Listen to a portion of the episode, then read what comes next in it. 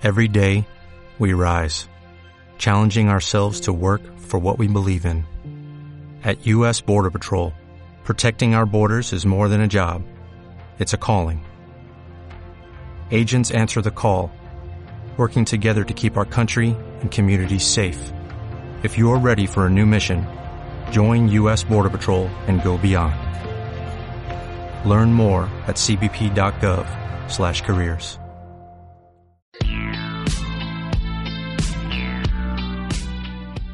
Benvinguts a Freaks and Beats, el programa que t'apropa la cultura audiovisual al sofà de casa.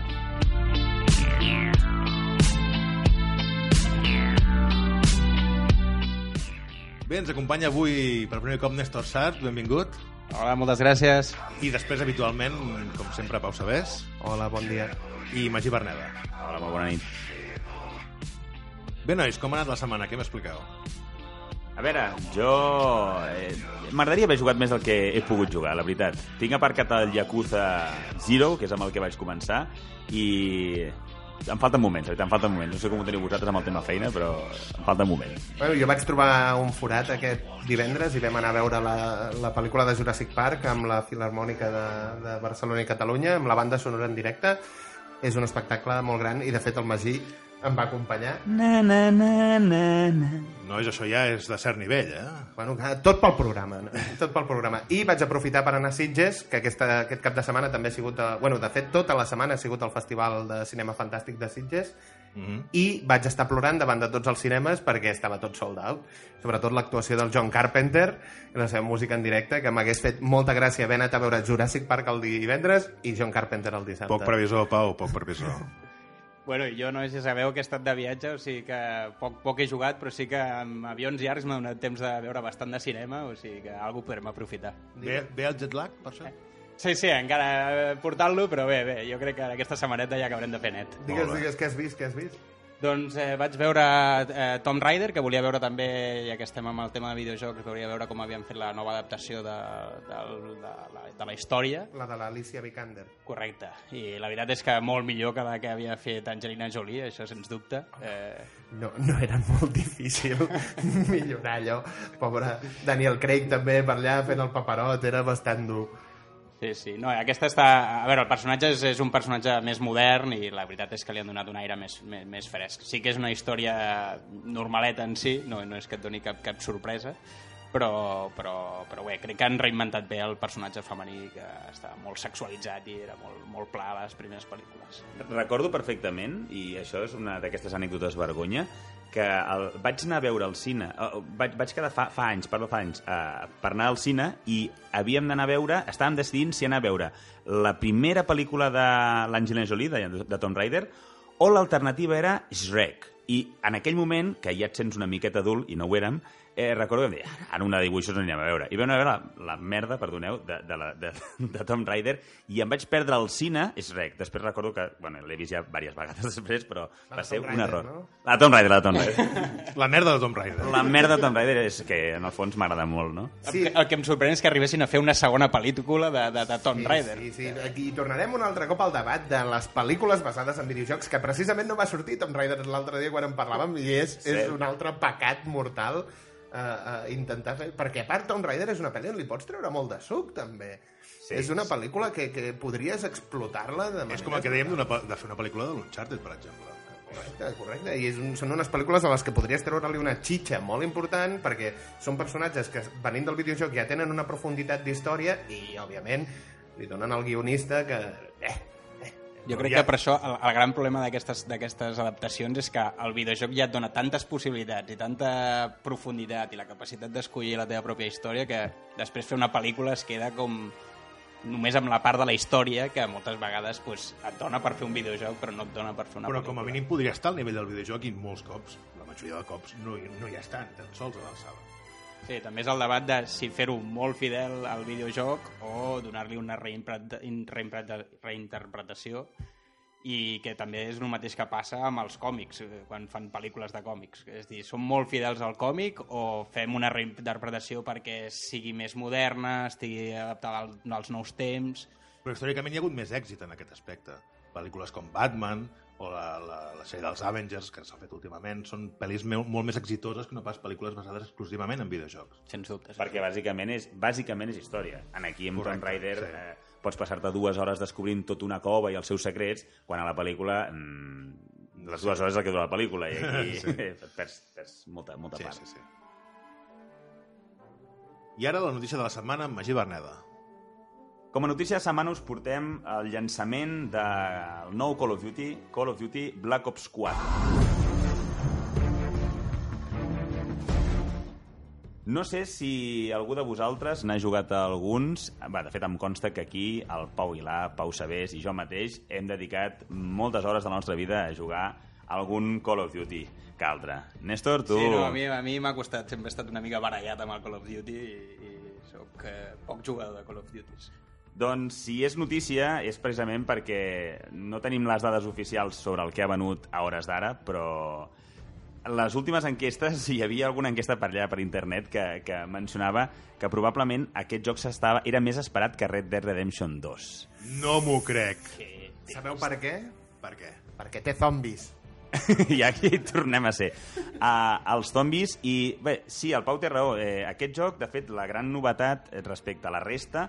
Obvi... Bueno, anava a dir, gràficament evoluciona, sí, però no tant... O sigui, com sempre, manté molt el, el, el mateix motor gràfic i en, gràficament sí que es veu polidet, va a 60 frames per segon, però res de l'altre món, la veritat. Uh, la gran novetat és que no hi ha mode per un sol jugador, no hi ha mode campanya. Wow, wow, wow. Com? Sí, sí, com ho sentiu. Sense mode per un jugador. Han- S'han centrat eh, exclusivament en els, en els modes per multijugador. Eh, per una banda hi ha tots els modes que ja coneixem, els de tots contra tots, mm, duel per equips, etc. Eh, també hi ha la modalitat de zombis, que, com sabeu, el joc del Call of Duty eh, la, depèn de la- de l'empresa que se n'encarrega de, de crear-lo, perquè això es van tornant entre Treyarch i Infinity War, no? Uh, aquest, aquesta, aquest cop toca Treyarch i Treyarch és qui porta també la modalitat de zombis. Normalment sempre hi havia hagut un únic eh, mapa zombis i aquesta vegada n'han afegit tres per tant els que són fans d'aquesta modalitat que eh, serveix per ajuntar-se un parell o em sembla que fins a quatre jugadors i poden doncs això eh, intentar eh, reduir a oleades de, de, de zombis que van, que van arribant, que van atacant. Sembla que han volgut maximitzar el, el, el factor cost-benefici eliminant el, el mode d'un jugador. Jo no sé com ho veieu vosaltres. Jo particularment estic radicalment en contra de que s'elimini Sí, sí. el mode campanya. Un pecat, un Sí, pecat sí. mm, radical. Jo, particularment, els últims eh, Call of Duty que he jugat, directament només he fet el mode campanya. I sé que no és el que és acostuma... O sigui, el jugador, la majoria de gent que adquireix el joc no fa això. De fet, eh, conec a molts, eh, moltes persones que el que han fet és comprar el joc i no, no toquen el mode campanya, no, no saben de què va la història, es centren en el multijugador i dediquen totes les hores a millorar el seu... Sí, el que sí que demostra és la tendència aquesta una mica Fortnite de centrar-ho únicament en exclusiva en el mode online i aquest... Que... És que acabes de dir la paraula clau, Fortnite, perquè en aquest cas, en, aquest, en aquesta edició del joc, a part d'aquests jocs que us deia, els online típics, clàssics, a la moda de zombis, també apareix el nou, eh, la nova modalitat, que és la- l'anomenada eh, Blackout en aquest joc, però que és eh, un Battle Royale, com el que vindrien a fer, doncs el que ha fet exitós aquest mode el, el senyor Fortnite. I quin tipus de, de soldats o de, de senyors ens trobem? Són com aquest circ du Soleil que també van saltant pels arbres i van fent històries? No. O és més, més actual? A, a, fins, a dia d'avui, amb la sortida del joc, hi ha fins a 10, eh, diguéssim, perfils diferents d'herois. Hi ha el, que, el perfil del metge, del, del, del soldat d'atac, un més eh, que ajuda a nivell de, de proteccions, defensius, eh, francotirador... Diferents rols. Diferents rols, Però és exacte. en plan modern, amb exoesquelets o... Sí, algun d'ells... el- Ja desapareix aquell saltimbanqui que hem anat veient en els últims jocs, Gràcies a Déu. Gràcies a Déu. en el, algun dels herois, algun dels, dels perfils de rols sí que té un ganxo que el permet més mobilitat, però és un del... O sigui, no, no, no veureu tot una, un escenari ple de, de, de llagostes saltarines. No, no. Però està clar que han anat a enfocar directament a, a, al públic de Fortnite perquè és, mm, haver eliminat el modo història ja és una traïció brutal al Call of Duty. Dir, Hi havia històries en el Call of Duty, el Call of Duty, el Modern Warfare 3... Bueno, de fet, els tres... A mi els tres Modern Warfare, per mi la història és està molt bé. La del 2 potser és una mica, és potser la que trobo una mica més, més, més fluixa, Però bueno, el però dos- estava molt bé, estava molt És bé. el 2, el de, el de que hi ha les lluites als Estats Units? Eh, sí, és el que traeix el general aquell americà. I que hi ha la lluita al, al, al, És un- la Casa Blanca. Hay que tomar Sí. whisky hotel. Correcte. Bueno, doncs... No, jo- no, no, no em refereixo a les missions en si, em Ah, refereixo vale, al, al, al, que és la història, el que és el fil argumental, correcte. No, no, i a part també el que era el World at War, el primer World at War, Sí, la història sí, també era fantàstica. sí. Jo havia jugat moltes hores al, al mode història, cada cop més difícil. O sigui, han traït una part del, del públic per anar a enganxar tota aquesta gent que es deu engan... que s'ha s'ha, eh, enganxat al Fortnite, perquè si no deixa el És que Fortnite... recordem per la gent més jove que el Call of Duty històricament era un joc, un joc un shooter de la Segona Guerra Mundial. Sí, Recordeu sí. l'època en, què, en què competia amb el Medal of Honor, I tant. que eren dos jocs, eren dos shooters, bàsicament molt semblants, el Call of Duty i el Medal of Honor sobre la Segona Guerra Mundial, els dos, a més a més. Amb, amb el mode història aquest que dieu, jo afegeixo, sí que és cert que les altres històries, els que hem jugat altres jocs de Call of Duty, eren històries molt, que estan molt elaborades, jo afegeixo que en els últims, eh, no sé, els, en els últims, els últims quatre, teníem per allà al mig eh, havia la participació del Kevin Spacey en, la model, en, el, en el mode història i en el Advanced Warfare el, el, el conegut, l'actor, no sé el nom ara, l'actor del Jon Snow, El... Kit, Cas... Kit, Cas... Kit Harington. Gràcies. doncs... eh, No, eh, i en, el, i en el World at War hi havia el Gary Oldman. No, en el Black Ops també hi era el Gary Oldman. O sigui, el Gary Oldman feia del personatge rus que acompanyava... En el World at War el joc estava dividit en la part americana que passava al Japó i la part eh, russa que passava al front, al front, al front oriental i tu sempre anaves amb el sergent Resnov, ara m'ha vingut. I, doncs aquest, en la versió original, era el Gary Oldman. I si, I si no m'equivoco, no em vull equivocar, però em sembla que els que vam comprar la versió d'aquí no teníem l'opció de posar el joc en anglès. Això és una de les lacres dels Call of Duty que si el volies eh, escoltar en versió original eh, no, no et donava No, l'opció. no, No, l'opció.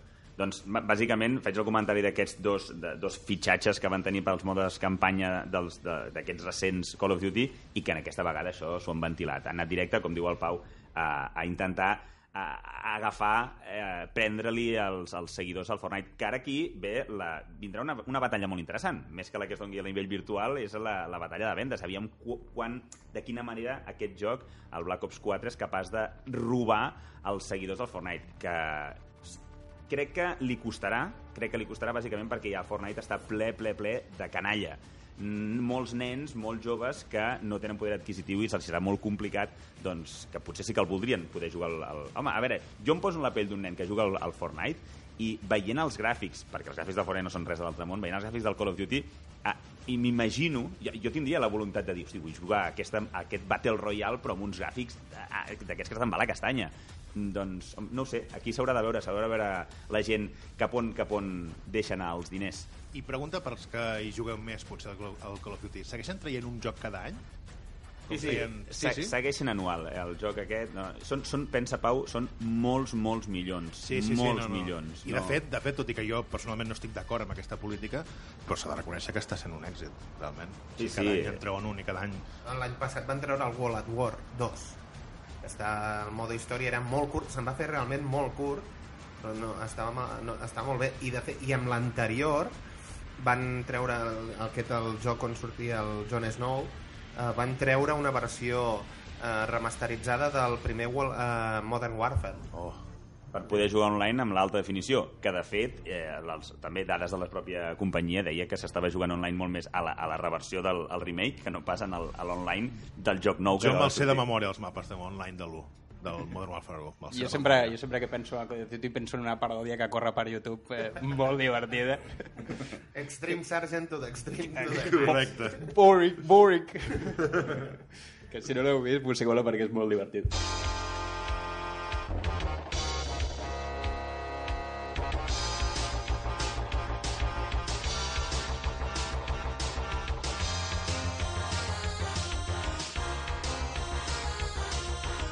Molt bé, nois, doncs passem a la novetat de la setmana.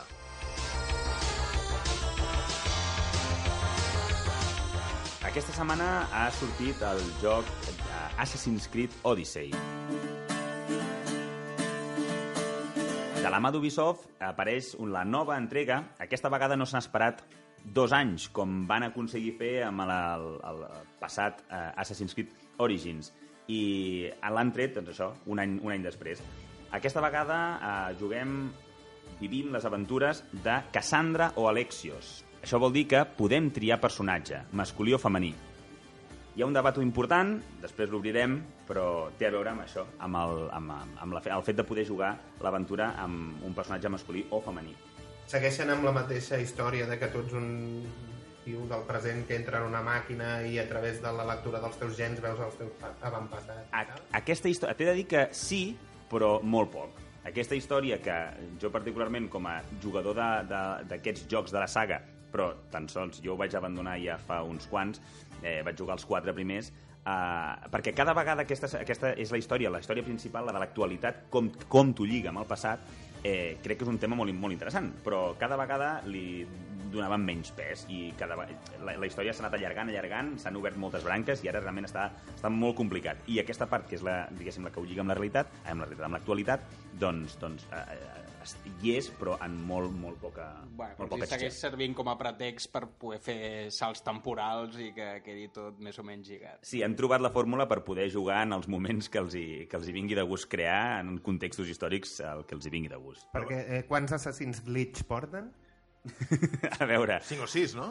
Um, la saga principal tenim l'1, el 2, el Brotherhood, el 3, el Black Flag, um, ja ens anem al Unity, el, el, del, el Unity és de la, la, la Revolució Francesa, en hi ha un altre de la, del Londres victorià, que el Syndicate, ah, ja, ja no us dic els de les eh, consoles portàtils, però ja ens anem a la, als últims, que són eh, Origins, que és el que està ambientat en Egipte, i aquest últim és Odyssey, que està ambientat a, en, en, en Grècia i a la guerra del Peloponès.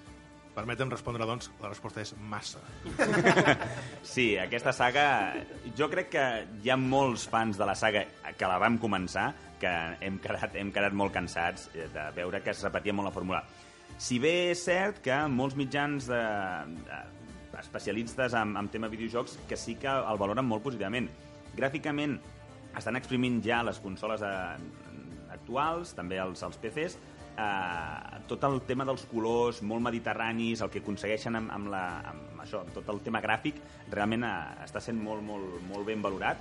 I han aconseguit una de les coses que, que també era molt criticat, no sé si, si recordeu els primers Assassin's Creed, quan eh, lluitaves, eh, i un dels, una de les situacions molt còmiques era que si t'enfrontaves a tres soldats t'atacaven per torns, val? i això no era molt realista. Llavors, això en l'anterior ja ho han arreglat, i en aquest doncs, s'ha polit encara una mica més. Tipo Batman, joc de lluita que et poden atacar dos o tres tios a la vegada. Sí, no arriba a ser tan, tan... El repte no és tan gran com en el Batman, però sí que s'acosta una mica. I la més. quantitat de glitch i fallos segueix igual? Aquesta vegada aquest ha sortit molt, molt bé. Ja estan reaprofitant els motors i a aquest nivell, en el tema dels bugs, i en, ho estan... Bueno, ha sortit el joc, ja d'entrada ha sortit prou bé. Jo és que el que volia puntualitzar és el que ha tret ara el tema que ha tret el Pau, que realment no és que jo sigui un hater de la saga, realment, però eh, no hi he jugat, però sí que he vist... Doncs potser sí que ets un mica hater, no? Però sí que, sí que he vist molts vídeos de YouTube on, per exemple, el, el que està basat en la Revolució Americana, sí que hi havia vegades eh, eh, escenes pregravades on veies gent que no tenia cara, parlaves només amb uns ulls i una boca. Sí, sí, correcte. Coses d'aquestes que dius, això és el problema, és que el joc no està polit. Sí. Que han tingut molta pressa en treure'l. Per exemple, el Red, Dead, el Red Dead Redemption 2 s'ha- es va retrasar respecte a la data oficial de sortida. Per què? Perquè Rockstar va veure que no estava prou polit i va dir, escolta, doncs el traiem sis mesos o un any més tard. Això també ha Per passat... què no ho van fer això Ubisoft? Hagués sigut... Bé, jo prefereixo treure, eh, que jugar un joc polit que no pas un joc inacabat. Això també ha passat amb Days Gone. Mm -hmm, Days Gone. Ja en parlarem, ja en parlarem. Però sí, és que amb aquests jocs, per això que, que, que porten aquest ritme anual, jo crec que és, és pràcticament impossible aconseguir aquest nivell de finès. En canvi, Rockstar, aquesta política, ho ha fet en diversos jocs, això d'enredar-hi les sortides per, per acabar de polir-ho. És que, per exemple, per un exemple només, el mapa del, del GTA V, el mapa del GTA V és enorme, és, o sigui, és molt complicat que no trobis un glitch a molts llocs, i n'hi ha molt pocs realment en els jocs actuals que hi heu jugat, Sí, et quedes atrapat en algun punt, en plan entre una valla i un d'això, però, però, és no que és inevitable amb un, amb un mapa tan extens. Però, realment. però què serien d'aquests jocs sense aquesta màgia de Sí, trobar també, els clics també, i tot? també. O sigui, Sí, ens perdríem recordo- molts vídeos molt divertits de YouTube i molts moments absolutament Hi havia- hilarants. Hi havia un del Cristiano Ronaldo que era una aranya. Hi havia un buc... El vaig veure. Hi- hi No, no, però que, no és que fos una aranya i ja està, no, no, estava normal i a poc a poc cop veies que s'anava encongint i acabava enfonsat a la gespa del camp Amb les cames a l'alçada de les de orelles. les orelles. I, però Pau, també recordo, ara que parlaven de Rockstar i de la seva finès, un, un també del Red Dead que era l'home asno o... La, la dona, sí, la dona asa, sí, sí, que t'hi pujaven a sobre i et portaven pels llocs. o els homes ocell, també. Però bueno, que és inevitable. El que passa és que sí que és cert que els, els assassins han tingut o tenen una llegenda negra darrere d'un un munt de, de glitches. Per això eh, jo ja... Jo, em vaig, jo vaig jugar precisament, no, no hi havia jugat a cap i em vaig comprar el de la Revolució Americana i em vaig desesperar. Eh, era algo molt, molt present. És que, clar, no és culpa del joc així, sinó de la companyia que treu jocs sense polir o sense acabar. Clar, és... És el que comentàvem abans, jo lligo amb el que comentàvem les notícies. Eh, amb la saga, saga Assassin's Creed passa una mica, o els ha passat una miqueta, igual que el mateix, eh, igual que el, amb la saga Call of Duty, que en veure, en intentar treure'n un cada any, al veure que ho aconseguien i que es venia com a xurros, doncs digue-li tu a una empresa que deixi de guanyar diners. Sí, és una tentació molt gran. Clar, clar. Eh, comentaves abans, Pau, el tema de l'escenari molt gran del, del, del Red Dead o del GTA. Eh, doncs aquest, el, en aquesta edició de l'Assassin's Creed a l'Odyssey es veu que l'escenari és enorme, enorme, inacabable, inabarcable. I un detall que sí que el fa potser un... un crec que li, li fa guanyar punts, és eh, el fet que té un sistema que el pots, diguéssim, activar o desactivar en qualsevol moment del joc que s'anomena el mode exploració, on et desapareixen gairebé tots els icones que hi ha al mapa. Llavors, allò tan tediós que comences, parles amb un personatge no controlat per, per un jugador, un personatge ja de, virtual, exacte, i et, et dona una, una missió, ves a tal poble, eh, que això en qualsevol joc, què passa en el mapa? Doncs se t'il·lumina una icona i tu ja t'orientes i vas cap allà. Doncs ja no. Si tens aquesta, aquest sistema activat, el que passa és que eh, t'orienten és cap al nord-est, però no apareix cap icona. Per tant, tu aquí hi ha aquesta, aquest... Ho fa una mica més aventura, més divertit, més orgànic. m'agrada molt. Això és un, és un bon detall.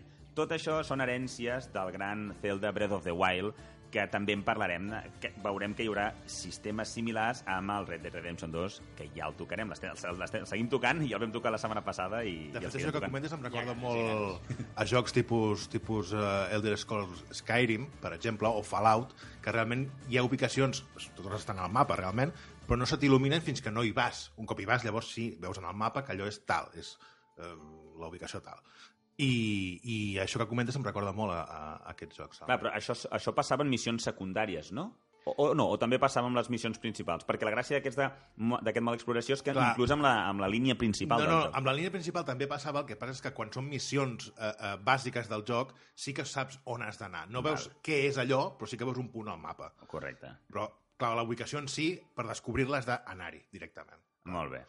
I per acabar, si, si us sembla, i eh, m'agradaria saber la vostra opinió, eh, el, el debat que hi ha hagut a les xarxes és precisament per aquesta opció que ofereix aquesta, aquest Assassins, que és la primera vegada que es dona, que és que el joc estava pensat perquè el, la, el protagonista principal, aquí portes, és Cassandra, és una dona, una, una grega, eh, guerrer, guerrera, on el seu caràcter el vas forjant, té aquest punt també una mica de Mass Effect, una mica de joc de rol, on pots triar la manera de respondre cada vegada i el, el seu caràcter el vas fent tu, a la teva manera.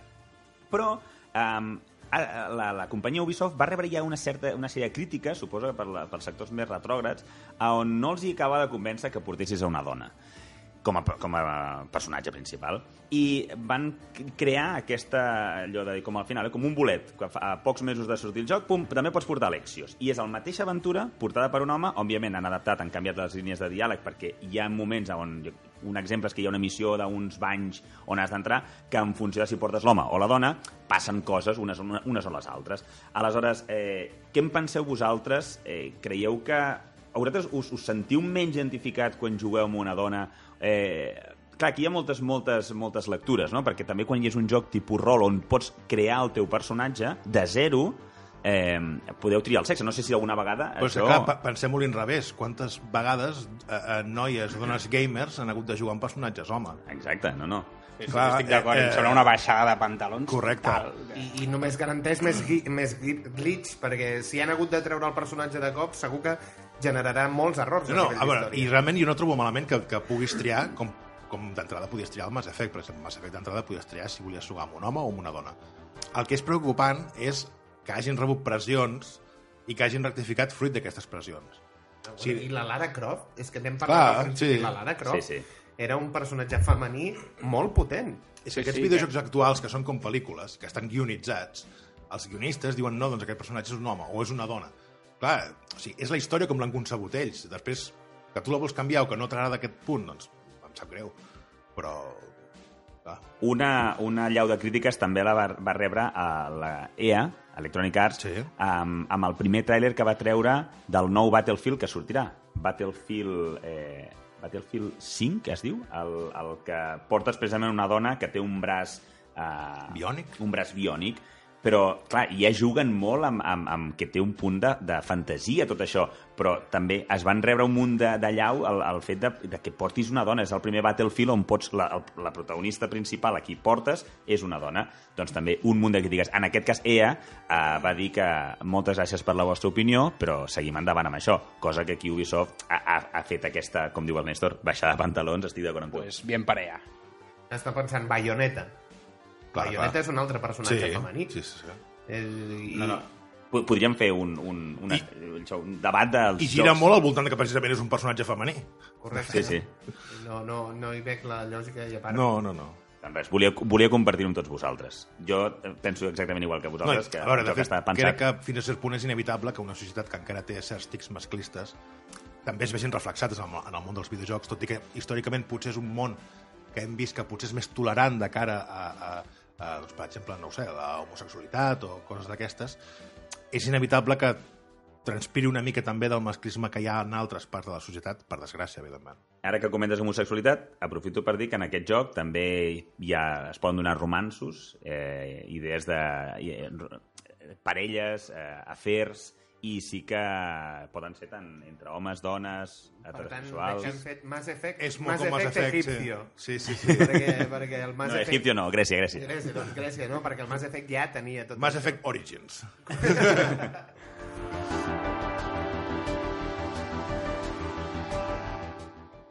I ara parlem de Max Payne 3, joc fet per uh, Rockstar, exclusivament per Rockstar, el primer uh, Max Payne que es va fer així, que va sortir l'any 2012. I, I bé, què en penseu nois d'aquest joc? Doncs mira, precisament aquest estiu l'he tornat a jugar. Eh, el Max Payne 1 em va encantar per Play 2. Era una novel·la negra a l'uso.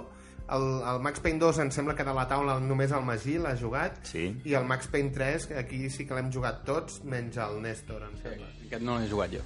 Doncs uh, per mi és, és fantàstic. Eh, Van, uh, un dels problemes que tenia el primer Max Payne era que l'ergonomia era bastant dolenta a l'hora de disparar i l'ergonomia està totalment corregida i el fa un joc fantàstic. En aquest cas ens trobem que el Max Payne ha abandonat Nova Jersey, definitivament. Durant el joc t'expliquen per què abandona Nova Jersey.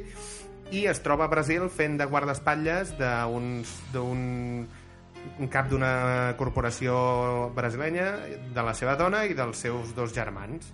I, eh, com, com sempre, Max Payne atrau problemes i es dedica a ajusticiar per tot Brasil i totes les faveles a la gent que li vol mal. Quina és la mecànica principal que defineix els Max Payne? Matar.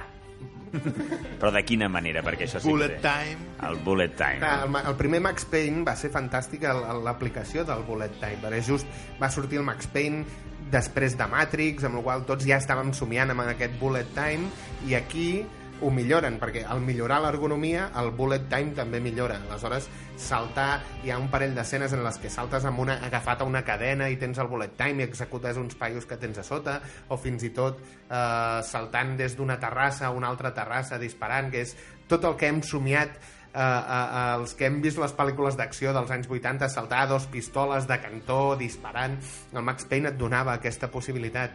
I el ser Rockstar i el ser Max Payne té un argument molt bo i molt... sempre tenen molta profunditat. Com parlàvem l'altre dia el Max Payne és un personatge en el que la pel·lícula que ja destriparem un altre dia eh, hagués pogut ser molt millor perquè el Max Payne té molta profunditat. No fa falta que, que, que facis un calc de tots els jocs que hi ha hagut, però pots tirar d'argument i pots tirar de, del personatge en si. Tu, Pau, què n'opines?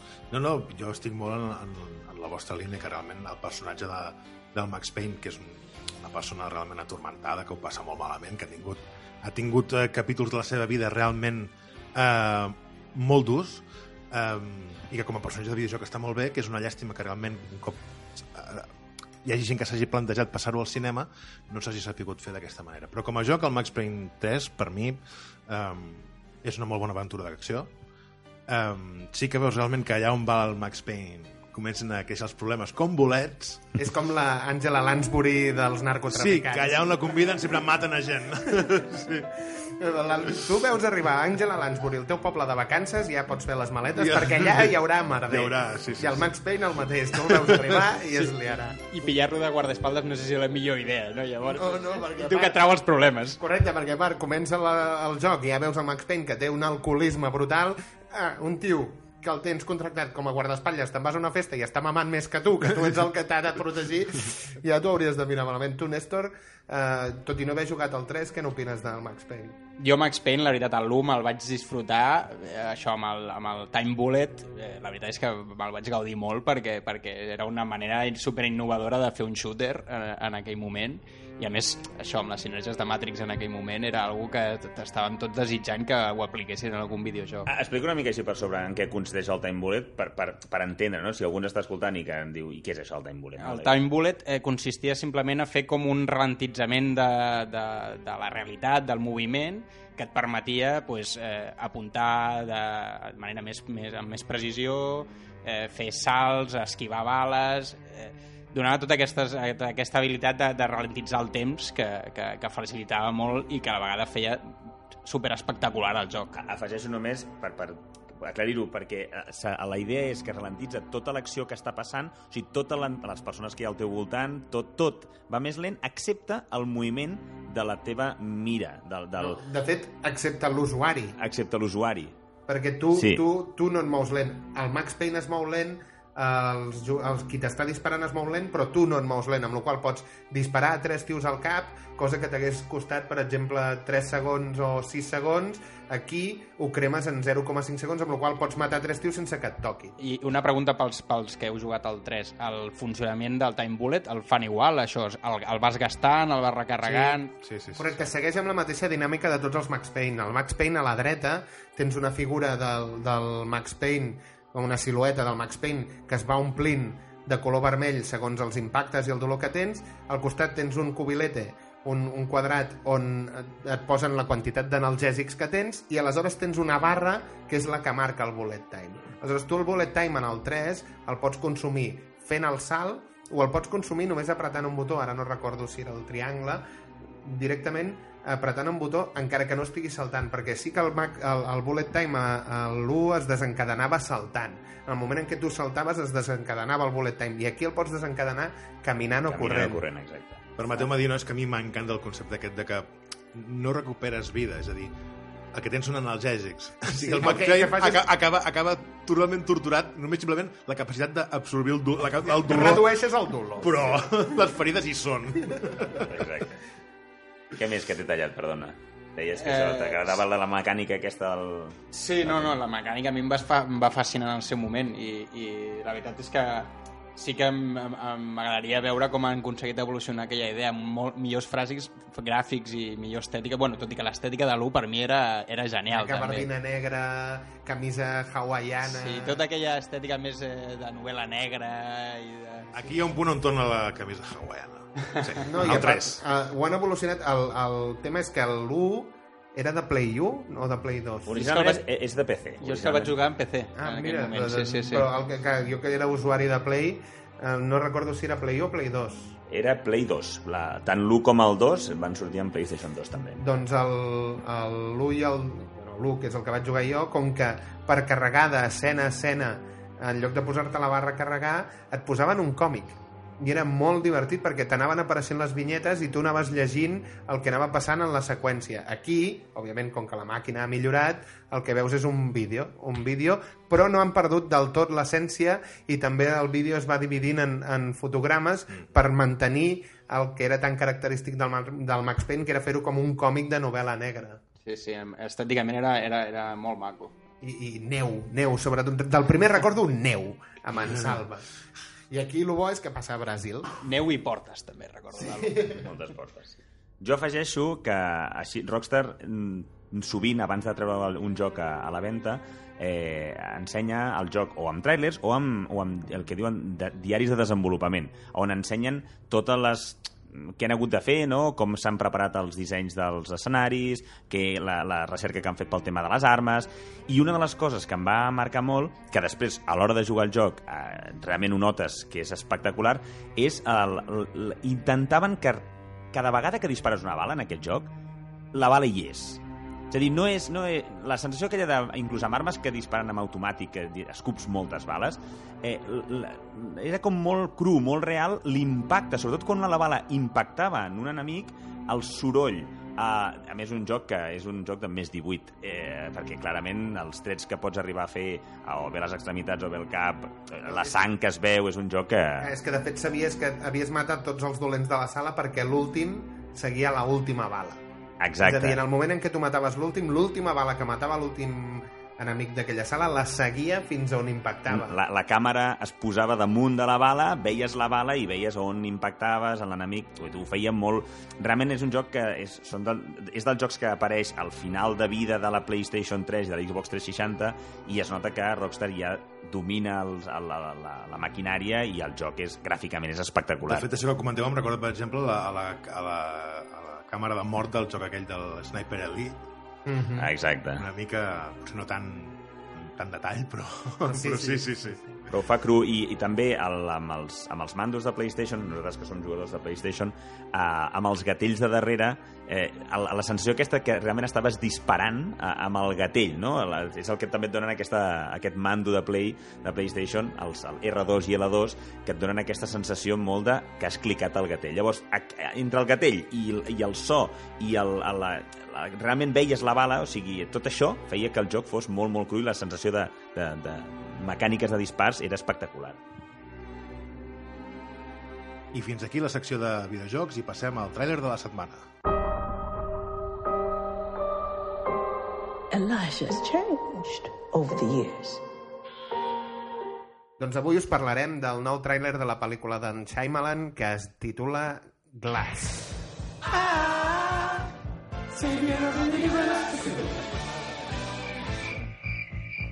Uh, S'estrenarà al gener del 2019 i si no ho sabíeu perquè no havíeu vist múltiple és la, uh, la tercera pel·lícula de la trilogia que va començar amb El Protegido. Seria El Protegido, després vindria Múltiple i ara acabaria la trilogia amb Glass. Sí, el bo de les dos, de, tant del Protegido com Múltiple, que són pel·lícules que es poden veure per separat i que funcionen... No, no, no funcionen seqüencialment en les dues primeres. La tercera em sembla que en aquest cas sí. Que la, per, per veure la tercera segurament hauràs d'haver vist les dues primeres Si perquè no, si no, sí. no, no entens el, el rol dels personatges ja d'entrada. Vosaltres dos que no, no heu vist múltiple ja us havia costat, el Pau Aguilar i el Magí ja us havia costat enganxar una mica el, el per què no, del tràiler. Tampoc recordo veure el Protegido, o sigui que... No, jo el Protegido sí que l'havia vist, però m'esteu dient que, si, jo, que no he vist múltiple... Eh, o sigui, quan, si, si ara em poso a veure múltiple, jo he de lligar sol... Jo sol lligo que és, eh, té a veure amb el Protegido? Ho lligaries, ho lligaries... Clarament al final em fan una referència brutal. Aviam, els, els... Però si no has vist El Protegido, és una pel·li que pots veure tranquil·lament sense haver vist El Protegido. Correcte. I si has vist el Protegido, al final... Jo hi va haver un moment que estava veient la pel·lícula sense saber res en el moment en què va sortir que la, a, a- a una escena final comença a sonar una música i en aquell moment em vaig aixecar.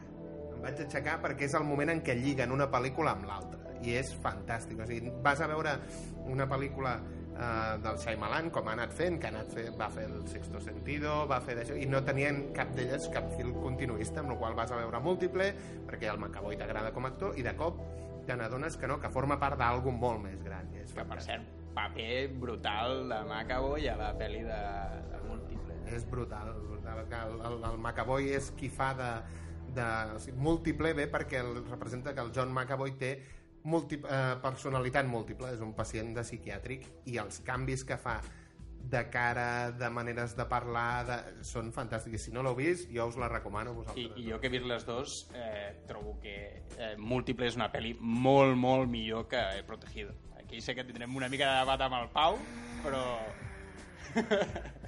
No, per mi, Múltiple... Ai, perdó, per mi El Protegido és una de les millors pel·lícules de superherois que s'han fet mai.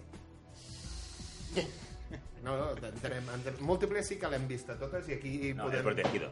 Ai, perdó, el Protegido sí que l'hem vista totes i aquí podem entrar en debat, però per mi eh, el Protegido com a pel·lícula de- d'heroi, com el naixement d'un superheroi, és fantàstica, tal com Podria estar d'acord en que, en que com a idea de pel·lícula de superherois sí que és molt innovadora i és mm, un, un enfoc molt nou el sentit d'evitar tota aquesta miscel·lània dels, dels vestits i de la personalitat oculta i tot això i no maten pares a ningú, vull dir, no, no, hi- no hi ha assassinats de pares en cap moment, que també està sí. bé. bueno, Eh, no, no, no, farem, no, farem, no farem spoilers, però sí que ara també vull treure, això algun dia haurem de parlar de top 3 de, de pel·lícules de superherois del vostre top 3 de cada un d'ells que, que considereu les millors pel·lícules de superherois que s'han fet i ja us dic jo que per mi El Protegido estaria en el top 3 per mi no sé si estaria Jo, jo ara fa temps que la vaig veure i em va, recordo que em va agradar, però no, no em va impactar tant com veig que et va impactar tu, Pau. jo, jo recordo, això sí, que el tràiler em va deixar amb unes ganes Sí. boges de veure que Això- vaig dir, "A- aquesta pel·li serà increïble, serà crema i quan vaig veure la pel·li no, no em va acabar d'agradar tant com les expectatives que m'havia generat el tràiler Però això li havia passat molt al Shyamalan, perquè eh, va, va treure el sexto sentido, que en aquell moment, i també per edat, era, va ser com una pel·lícula una mica de por. Vas anar a veure una pel·lícula de por per tot el significat dels morts i els fantasmes i tal i qual. I aleshores va treure el bosque i la gent ja esperava que el Shyamalan fes una pel·lícula de por i tothom se li va tirar al coll perquè deien que no era una pel·lícula de por, que no era una pel·lícula de por. Però el bosque és una pel·lícula brutal.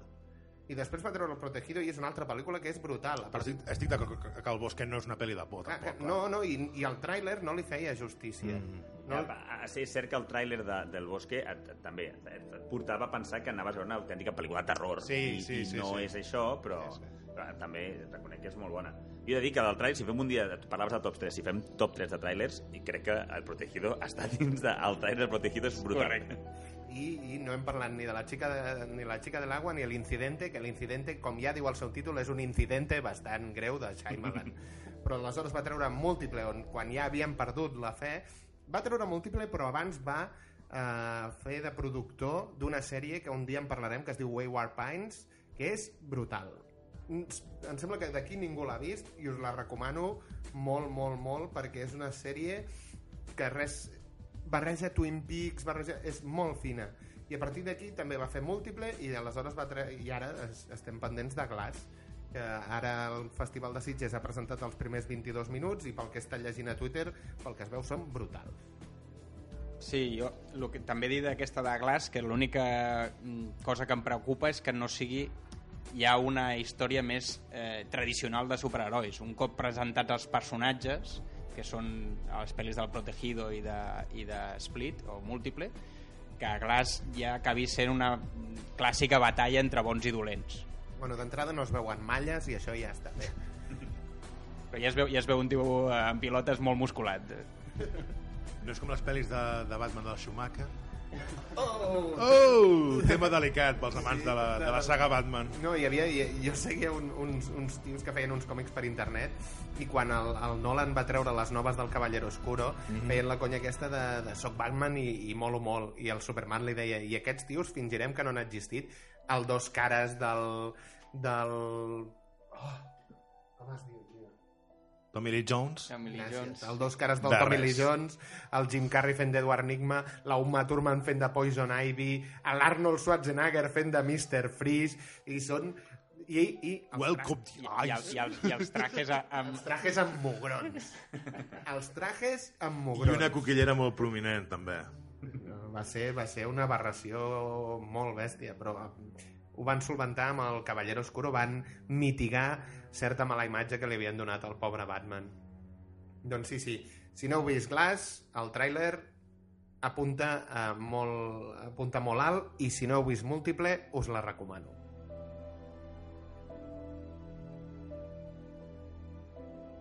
I ara farem una petita tertúlia sobre una de les millors pel·lícules de Nadal que s'han fet mai.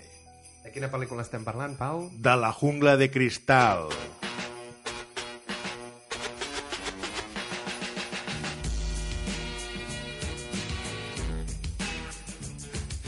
Doncs mira, vaig sentir fa poc eh, al Comedy Central li van fer un roast al Bruce Willis i ell va acabar dient que Jungla de Cristal no és una pel·lícula de Nadal, amb la qual estic totalment en desacord. Ai, va dir això el Bruce Willis, mare de Déu. Li deuen haver marcat la vida al pobre home dient-li que ha fet la millor pel·lícula de Nadal de, de, de Nadal de la història. Petita fitxa tècnica. Pel·lícula de l'any 1988, dirigida per el John McTiernan, el mateix director de Depredador. Està basada en una novel·la del Roderick Thorpe eh, que es diu Nothing Lasts Forever, que era una seqüela d'una novel·la que es deia El Detective, que l'any 1968 va proto havia protagonitzat Frank Sinatra. I, per tant, quan es van proposar de fer la pel·lícula de, del Nothing Lasts Forever, li van oferir el Frank Sinatra, ja que la novel·la representava que el detectiu ja era, ja era gran i anava a visitar la seva filla en unes torres i hi havia un atac terrorista. Frank Sinatra va dir que, que no, Paparrutxes. No m'imagino Jungla de Cristal amb Frank Sinatra, la veritat. Doncs espera't, doncs espera't perquè ara us llegiré la llista de gent a la que se li va proposar fer el paper. D'entrada, John McTiernan, com que ja tenia coneixement, ja tenia d'això amb Arnold Schwarzenegger, de la pel·lícula Comando, ai, de la pel·lícula Depredador, li va oferir fer Comando 2, on el John Matrix se n'anava a Nakatomi, que hi treballava la filla, i les coses se iban de madre. La filla, per això. La Allà. filla, la filla que era Sí. la Lisa Milano, a Correcte, la primera. correcte. Aleshores Arnold Schwarzenegger va, va dir que no. Li van proposar a Sylvester Stallone, Uh. Harrison Ford, Ué, Richard Gere, No, no pot ser. Seduint i matant. una comèdia romàntica. Les loques, loques aventures de Richard Ara no em diguis Hugh Grant, sisplau. No, no, Hugh Grant encara no, no tenia aquella popularitat. Li van oferir Clint Eastwood. Ah, mira. Veus? Perquè, segons, si es s'haguessin basat més en la novel·la, Clint Eastwood, un Harry el Sucio allà, no?, hagués desentonat bastant. Li, li faltava potser aquest toc d'humor, no?, que té... És que... que- que el Bruce Willis el té bastant més, més que l'Eastwood, que és un personatge més... Bueno, però l'Eastwood també... eh, Sí, però és, és, és un humor més sec. Sí, sí, sí. sí. Bueno, alegra'm el dia. Alegra'm el dia. Sí, sí, sí. Clint Eastwood, Bart Reynolds, Robert De Niro i Don Johnson. No. Miami Vice. Sí, sí. Oh. Finalment li van oferir a un jove actor que havia fet un parell de pel·lícules, Cita Ciegas amb la Kim Basinger i un altre que es deia Sunset, i que era sobretot famós per una sèrie, una sèrie de televisió que es deia Luz de Luna, que es deia Bruce Willis. I a partir d'aquí, nois, què n'opineu de la pel·lícula? No començarem pel Pau perquè ja veurem, ja, ja coneixem prou la seva opinió. Magí, Jo, abans d'opinar, no, només llenço aquí... Hauríem de contactar amb el nostre departament de, de recerca i que em diguin qui, qui va tenir la brillant idea de donar-li el nom aquí a, a Catalunya, a Espanya, de La jungla de cristal, dient-se Die Hard. O sigui, Però és que és, que és difícil de traduir, eh? Die Hard. És muere, fuerte. Muere fuerte. muere duro. jo crec que els dies van veure Jo Muere entenc que fuerte. ve de la frase feta aquesta de Old Habits Die Hard, que és... O sigui, el, que, el que estàs acostumat a fer és molt difícil que tu deixis de fer-ho. D'acord? I, i, estàs... I la primera té molt sentit que es digui Jungla de Cristal. Sí. Aviam, dintre de la màgia aquesta dels noms espanyols de moltes pel·lis on, on han afegit el Como Puedas, El per total, exemple. muerte total, podria haver-se dit, Como no? Puedas i Muere Como Puedas. Al, al, a l'aterriza com puedes, per exemple, en anglès és airplane. Correcte, correcte. És, són, són coses... I, els, i, i les I els Naked Gun, són Naked que- Gun. Naked Gun també és Correcte, Como sí. Puedas. Sí, sí, sí. Era, el- hi havia un moment... En Deu ser el mateix home, això. devia fer... Hi havia molta ametlla. El tema és... Uh, uh, tenia molt sentit perquè, clar, Nakatomi és tot una... És un Un gratacels. gratacels amb, amb tot de... De- Sí, de vidre. i en una ciutat... Eh, tot... Era- eh, era- podria era- tenir un sentit. no, no és que tingui finestres, és a dir, tota l'estructura exterior és de vidre. I, és, i, I els vidres hi ha un moment de la pel·lícula que tenen un, un component molt important. Correcte, sí, Perquè si, si no l'heu vista, ja... Ja feu tard. Sí, sí, ja, ja, ja aneu tard. Però el John McClane en el minut 1 es queda sense sabates. Sí. I a partir d'aquí està en un edifici que és tot de vidre. I ho pagarà molt car. Correcte. I és un dels títols que menys em grinyola de tots aquests dels que hem Sí, parlat. sí, sí, sí, sí. Però bueno, Jo, jo a veure, us, entreu en el detall, eh, però la veritat, crec, si no recordo malament, i estic tirant de molta memòria, em sembla que va ser aquesta la primera pel·lícula que vaig descobrir que aquest era el, el, el, el, la, la temàtica de- d'acció i, i de, de petit recordo dir-me a mi mateix, no sé si ho vaig dir en veu alta, de dir, m'agraden molt les pel·lícules d'acció. O sigui, va ser, em va marcar moltíssim. És que com a pel·lícula d'acció és un, un dels grans clàssics. Va, va, ser allò, va ser gaudir durant tota la pel·lícula, des de que va començar fins que, des que comença fins que acaba, vaig estar per això, Estem enganxat. parlant d'un- d'una època en què el bo fumava, Sí. cosa que ara és impensable. Deia paraulotes. Deia paraulotes i quan matava no li tremolava el pols en executar ningú. No, no, no, no. No hi havia... No hi havia... Si pot ser per darrere hi ha traïció, per darrere hi ha traïció. Sí, sí, sí. eh, No tenia cap mena de complex en aconseguir el que volia. Era un, un, un model d'acció que després cap als 90 sempre es va anar suavitzant. Néstor, Sí, perquè però sempre ha estat, eh, les jungles han estat aquesta idea de l'heroi totalment solitari, no? que, que, que ha de lluitar contra tot i contra tothom amb el que té al seu abast, no? I, i llavors, jo, jo suposo perquè, per això també aquests pocs miraments no? del, del, del protagonisme, perquè... és un antiheroi directament. Jo crec que té, Totalment. té elements d'antiheroi, no és un, potser un antiheroi, antiheroi clàssic, però sí que veus que té una relació que no és ideal amb la seva dona, veus que com un policia tampoc és que sigui un policia allò molt condecorat ni res. No, o sigui, a la tercera pel·lícula l'han suspès, de fet. correcte, A la... correcte, sí, sí. I es Perquè, dia... perquè en aquesta també és una trilogia, no, nois? És... Mira, amb el Pau Hi ha debat, hi ha debat. Amb A el veure, Pau vam sí. decidir por- parlar avui de, de Jungla de Cristal perquè eh, el que ens passava amb la- amb l'Indiana Jones, en aquesta hi ha un debat obert. Són quatre pel·lis o són tres? Jo puc acceptar que són quatre pel·lícules. Sí. Jo també. Per mi són tres. Bé, aquí, aquí està el tema. Per mi, la quarta, eh, l'únic que li grinyola a la quarta és que al voler-ho fer tan espectacular, a vegades es passen de frenada. La cinquena és horrible. La quarta, el paio que hi del parkour, per mi... Eh, Sí, però és que a la cinquena ja, ja, ja, ja hi entren tancs i coses d'aquestes que dius, bueno, policia... Bueno, a la quarta també ja està lluitant ell contra un caza, Sí, no, dir, no, no, de sí. l'autopista. Va, Aquesta és l'única escena a mi així que dius, bueno, que es carregui un F-22, que a més és un F-22 amb, amb turbojet retràctil, que ja és algo hipertecnològic, i ell amb un camió li fot un viatge i s'ha acabat. O l'escena en què també derriba un helicòpter amb un, amb un cotxe de policia. Fantàstica. Però, excepte aquestes dos, aquests dos punts que se'n van una mica de guió, no deixa de ser John McClane. Sí, no, si no dic que deixi de ser John McClane, però així com les altres, eh, les altres pel·lícules, em sembla que el villano és molt bo i la història és molt bona, en aquesta quarta la idea aquesta del caos eh, electrònic i de xonsis... Jo és que estic una mica, diguéssim, entre dos aigües, perquè realment de pel·lis que com a mínim siguin bones, de Jungla de Cristal, jo puc accedir a dir que n'hi ha quatre, però pel·lis molt bones, o d'aquestes que transcendeixen en el gènere d'acció, són, són, són les tres primeres. Correcte. I, I diuen que també la tercera és una birlada de guió d'un arma letal.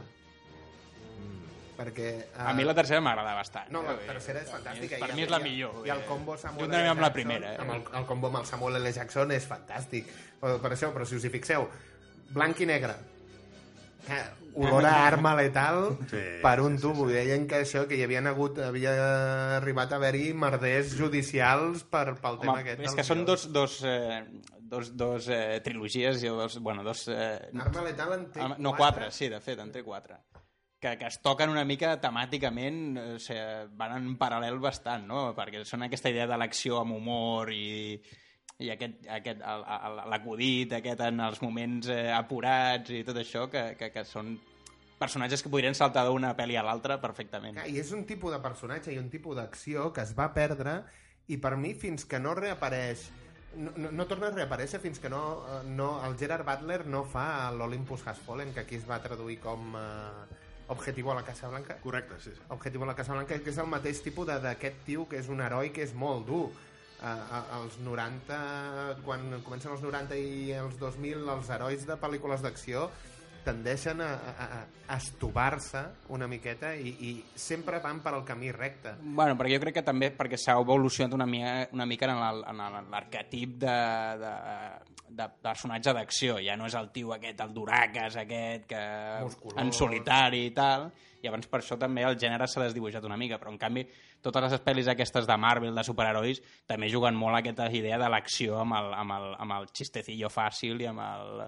I l'altre i l'altre que has dit abans i que no ho he comentat, ho enganxo ara, del, del que sempre el nèmesis del personatge és brillant i en aquesta té el, el, el ja... Si us plau, Alan Rickman. L'Alan Rickman enorme, Està genial en aquesta pel·lícula. enorme.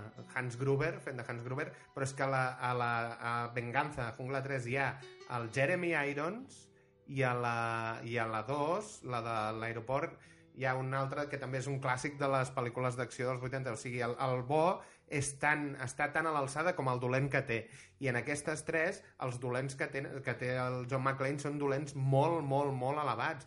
I a la 4, el Timothy Olyphant tampoc ho fa pas malament. El que passa és que és el que dius tu, ja entra tot el component aquest tecnològic, etc i que ja té l'exèrcit aquest de parkouristes que et poden... Sí, perquè és això, quan hi comencen a incorporar coses que estan de moda, com el parkour i aquestes coses, clar, a la que han passat un, uns quants anys d'aquesta pel·lícula ja el personatge que es veu absolutament ridícul, perquè... Mira, això t'ho podria comprar bastant. Doncs Pau, què n'opines tu de la pel·lícula? Per mi, ja et dic, una de, un dels clàssics indispensables del, del gènere de- d'acció, dels 80. Fantàstic. Sense embuts, no? Sense embuts, sense embuts. La jungla de cristal és una pel·lícula bàsica per a qualsevol persona que li agradi el gènere A, d'acció. a mi una de les coses que em va enganxar molt va ser el fet aquest que és l'heroi sol, abans comentava, l'heroi solitari contra tot el país, sol ante el peligro, i, i que té aquest punt que, com sabeu, vam parlar també en, en progr- en programes anteriors el de Metal Gear, d'espionatge, no en qüestió espionatge, però sí el fet aquest de, has de havia d'estudiar, John McClane ha d'estudiar cada moviment que fa perquè està sol, està sol i allò està ple de terroristes, amb la qual cosa... eh, No, i, en, I en aquest sentit la pel·lícula ho fa bé perquè realment no és que ell s'enfronti, no és que faci un, hi hagi un tiroteig entre mm, el John McClane i 7 o 8 terroristes alhora, és a dir, s'ha d'anar acabant un, un a un. Un a un, sí, ells, sí. clar. I a part, i dèiem això que és en solitari, però sempre té un secundari, perquè en aquesta pel·lícula té el, el que era el- l'Al Powell, que no recordo... Reginald Bell Johnson, potser? Correcte. Molt, molt bé. Veig que la pel·lícula t'agrada, Ah, Pau. sí. Lleugerament. doncs el, el Reginald Bell Johnson, que és el Cal Winslow de Coses Correcte, de Casa. correcte, sí, sí. A, a la 3 té el Samuel L. Jackson, Mhm. a la 4 té el noi informàtic aquest jovenet, i a la 2 A la 2 no sé si podem dir que té, conserge- té aquell conserge que viu allà en aquells túnels de l'aeroport. De- Sí, però la dos és Però- potser les que té, que té que menys, està més solo. més sol. Sí, sí, sí, és sí. més solo. Però a més m'agrada també perquè en, en totes elles lluita contra la incompetència de la pròpia policia per resoldre els conflictes o per deixar-se enganyar per és que és un bon exemple els- perquè en aquesta primera realment el paper de la policia només fa que a- entorpir l'acció del McLean i no aconsegueix absolutament res. i el McKay està intentant avisar-los durant tota la pel·lícula i, i, i inclús quan venen els de l'FBI eh, els hi fan un favor també. Agente Johnson and Johnson. No somos, No somos parientes. Sí, sí, i per mi és, és una molt gran pel·lícula d'acció i a part perquè no és una pel·lícula d'acció de trets i trets i trets i trets, sinó juga molt també en, en amagar-se, Sí. anar-los anar caçant, uh, hi ha una escena també en, el, el, això que deies que hi ha un tiroteig, sí hi ha un tiroteig al, al que és el, el penthouse de, a l'heliport del, Sí, sí. amb el, sí, sí. perquè li mata just al principi, li Sí. mata el germà un d'ells Eh, és, és un, una gran pel·lícula de Nadal per veure en família Però eh, haurem d'aclarar potser perquè parlem sempre de pel·lícules de Nadal, no? Perquè, però que és, perquè es- totes elles estan ambientades... Bueno, la tercera... La, no la, prim, la primera i la segona estan la primera i la segona estan, són... i de fet la, la primera és eh, ell sent policia de Nova York se'n va a Los Angeles on la seva dona eh, ha aconseguit una feina en una corporació japonesa i aleshores ell va intentar arreglar les coses amb la seva dona a la 2 veiem que ell ja ha arreglat les, les coses amb la dona i per tant Ja és policia de Los Angeles. és policia de Los Eh. Angeles, però està a Nova York perquè la família de la dona està a Nova York i, per tant, la policia de Nova York ja no el reconeix com a company i també passa a les festes de Nadal i a la tercera ja veiem que ell ja està, torna a ser policia de Nova York, que les coses amb la dona han fet més aigües que el Titanic, però sempre està allà la dona, sempre, i de fet la pel·lícula acaba amb ell trucant a la Holly. Correcte. Sí, final. tota la pel·lícula és que, que fa un any que no, no la surt truca. la seva dona, no surt. No surt No. en cap moment, però sí que tot el rato estan dient de que, que, que, que l'ha de trucar i, en, i de fet en dos moments està al telèfon amb ella. Correcte, i ara això que diu no surt la dona, és veritat que a la segona ell es veu enfrescat en el merder perquè la dona està en un avió, perquè si no... Correcte, sí. Ell, Sí, sí, sí, sí. ell i decideix fer el que sigui perquè la dona aterri en, a- en l'aeroport. Molt bé. Exterminar plagues. És Shirley, Ma Shirley MacLaine? La, senyor. la, la... Holly McLean. Holly, Holly Holly. Mac- Com a personatge, Holly McLean. Holly Sí. Gennaro. Holly Jenner. Sí, sí. Que la primera és, tenen aquesta cosa que quan arriba al primer, a la primera i la busca pel, pel lobby per saber on té el despatx, no la troba per Holly Oh, McLean i Perquè té ja que s'ha canviat el, el cognom de soltera. El Mala senyal. I Jungla de Cristal té un d'aquests detalls d'improvisació que són molt bons, com per exemple el Cavallero Oscuro, el Heath Ledger quan, quan, Vol detona, quan sí. vol a l'hospital, tota aquella escena està improvisada, o quan el, el Blade Runner, les frases que deixa anar el Rutger Hauer també és part improvisat. A Guardianes de la Galàxia, quan el Chris Pratt treu la bola i li cau, allò tampoc estava en el guió, són coses que passen. I aquí el Pau ens en explicarà una de molt característica, també. Doncs que en aquesta pel·lícula, La jungla de cristal, podem observar com, com la cara de terror de l'Alan Rickman, interpretant a Hans Gruber, eh, quan cau per una finestra, és autènticament real perquè no li van comentar el que anaven a fer amb ell. Suposo que li van posar un arnès o el que fos, eh, suposo que imaginava que seria algun tipus de caiguda, però no es va imaginar que seria aquest tipus de caiguda, i el terror que podem veure en el seu rostre és totalment real. I això és el que dona... la, li van dir, puja, puja aquí, Puja que, aquí, que, que que jo t'aguanto, jo t'aguanto. Sí.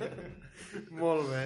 Doncs fins aquí la, el nostre anàlisi, que realment no hem parlat de l'argument de la jungla de cristal, però eh, si no l'heu vista, us toca veure-la. Doncs bé, no tenim més temps per avui. Eh, un agraïment per part de l'equip del programa que, per escoltar-nos, que m'acompanya Pau Sabés, Adeu, bona nit. Magí Berneda, Que vagi molt bé, bona tarda. Néstor Sart Adeu, moltes gràcies. i un servidor Pau Aguilar. Fins la propera. I'm giving you a night call. Tell you how I feel.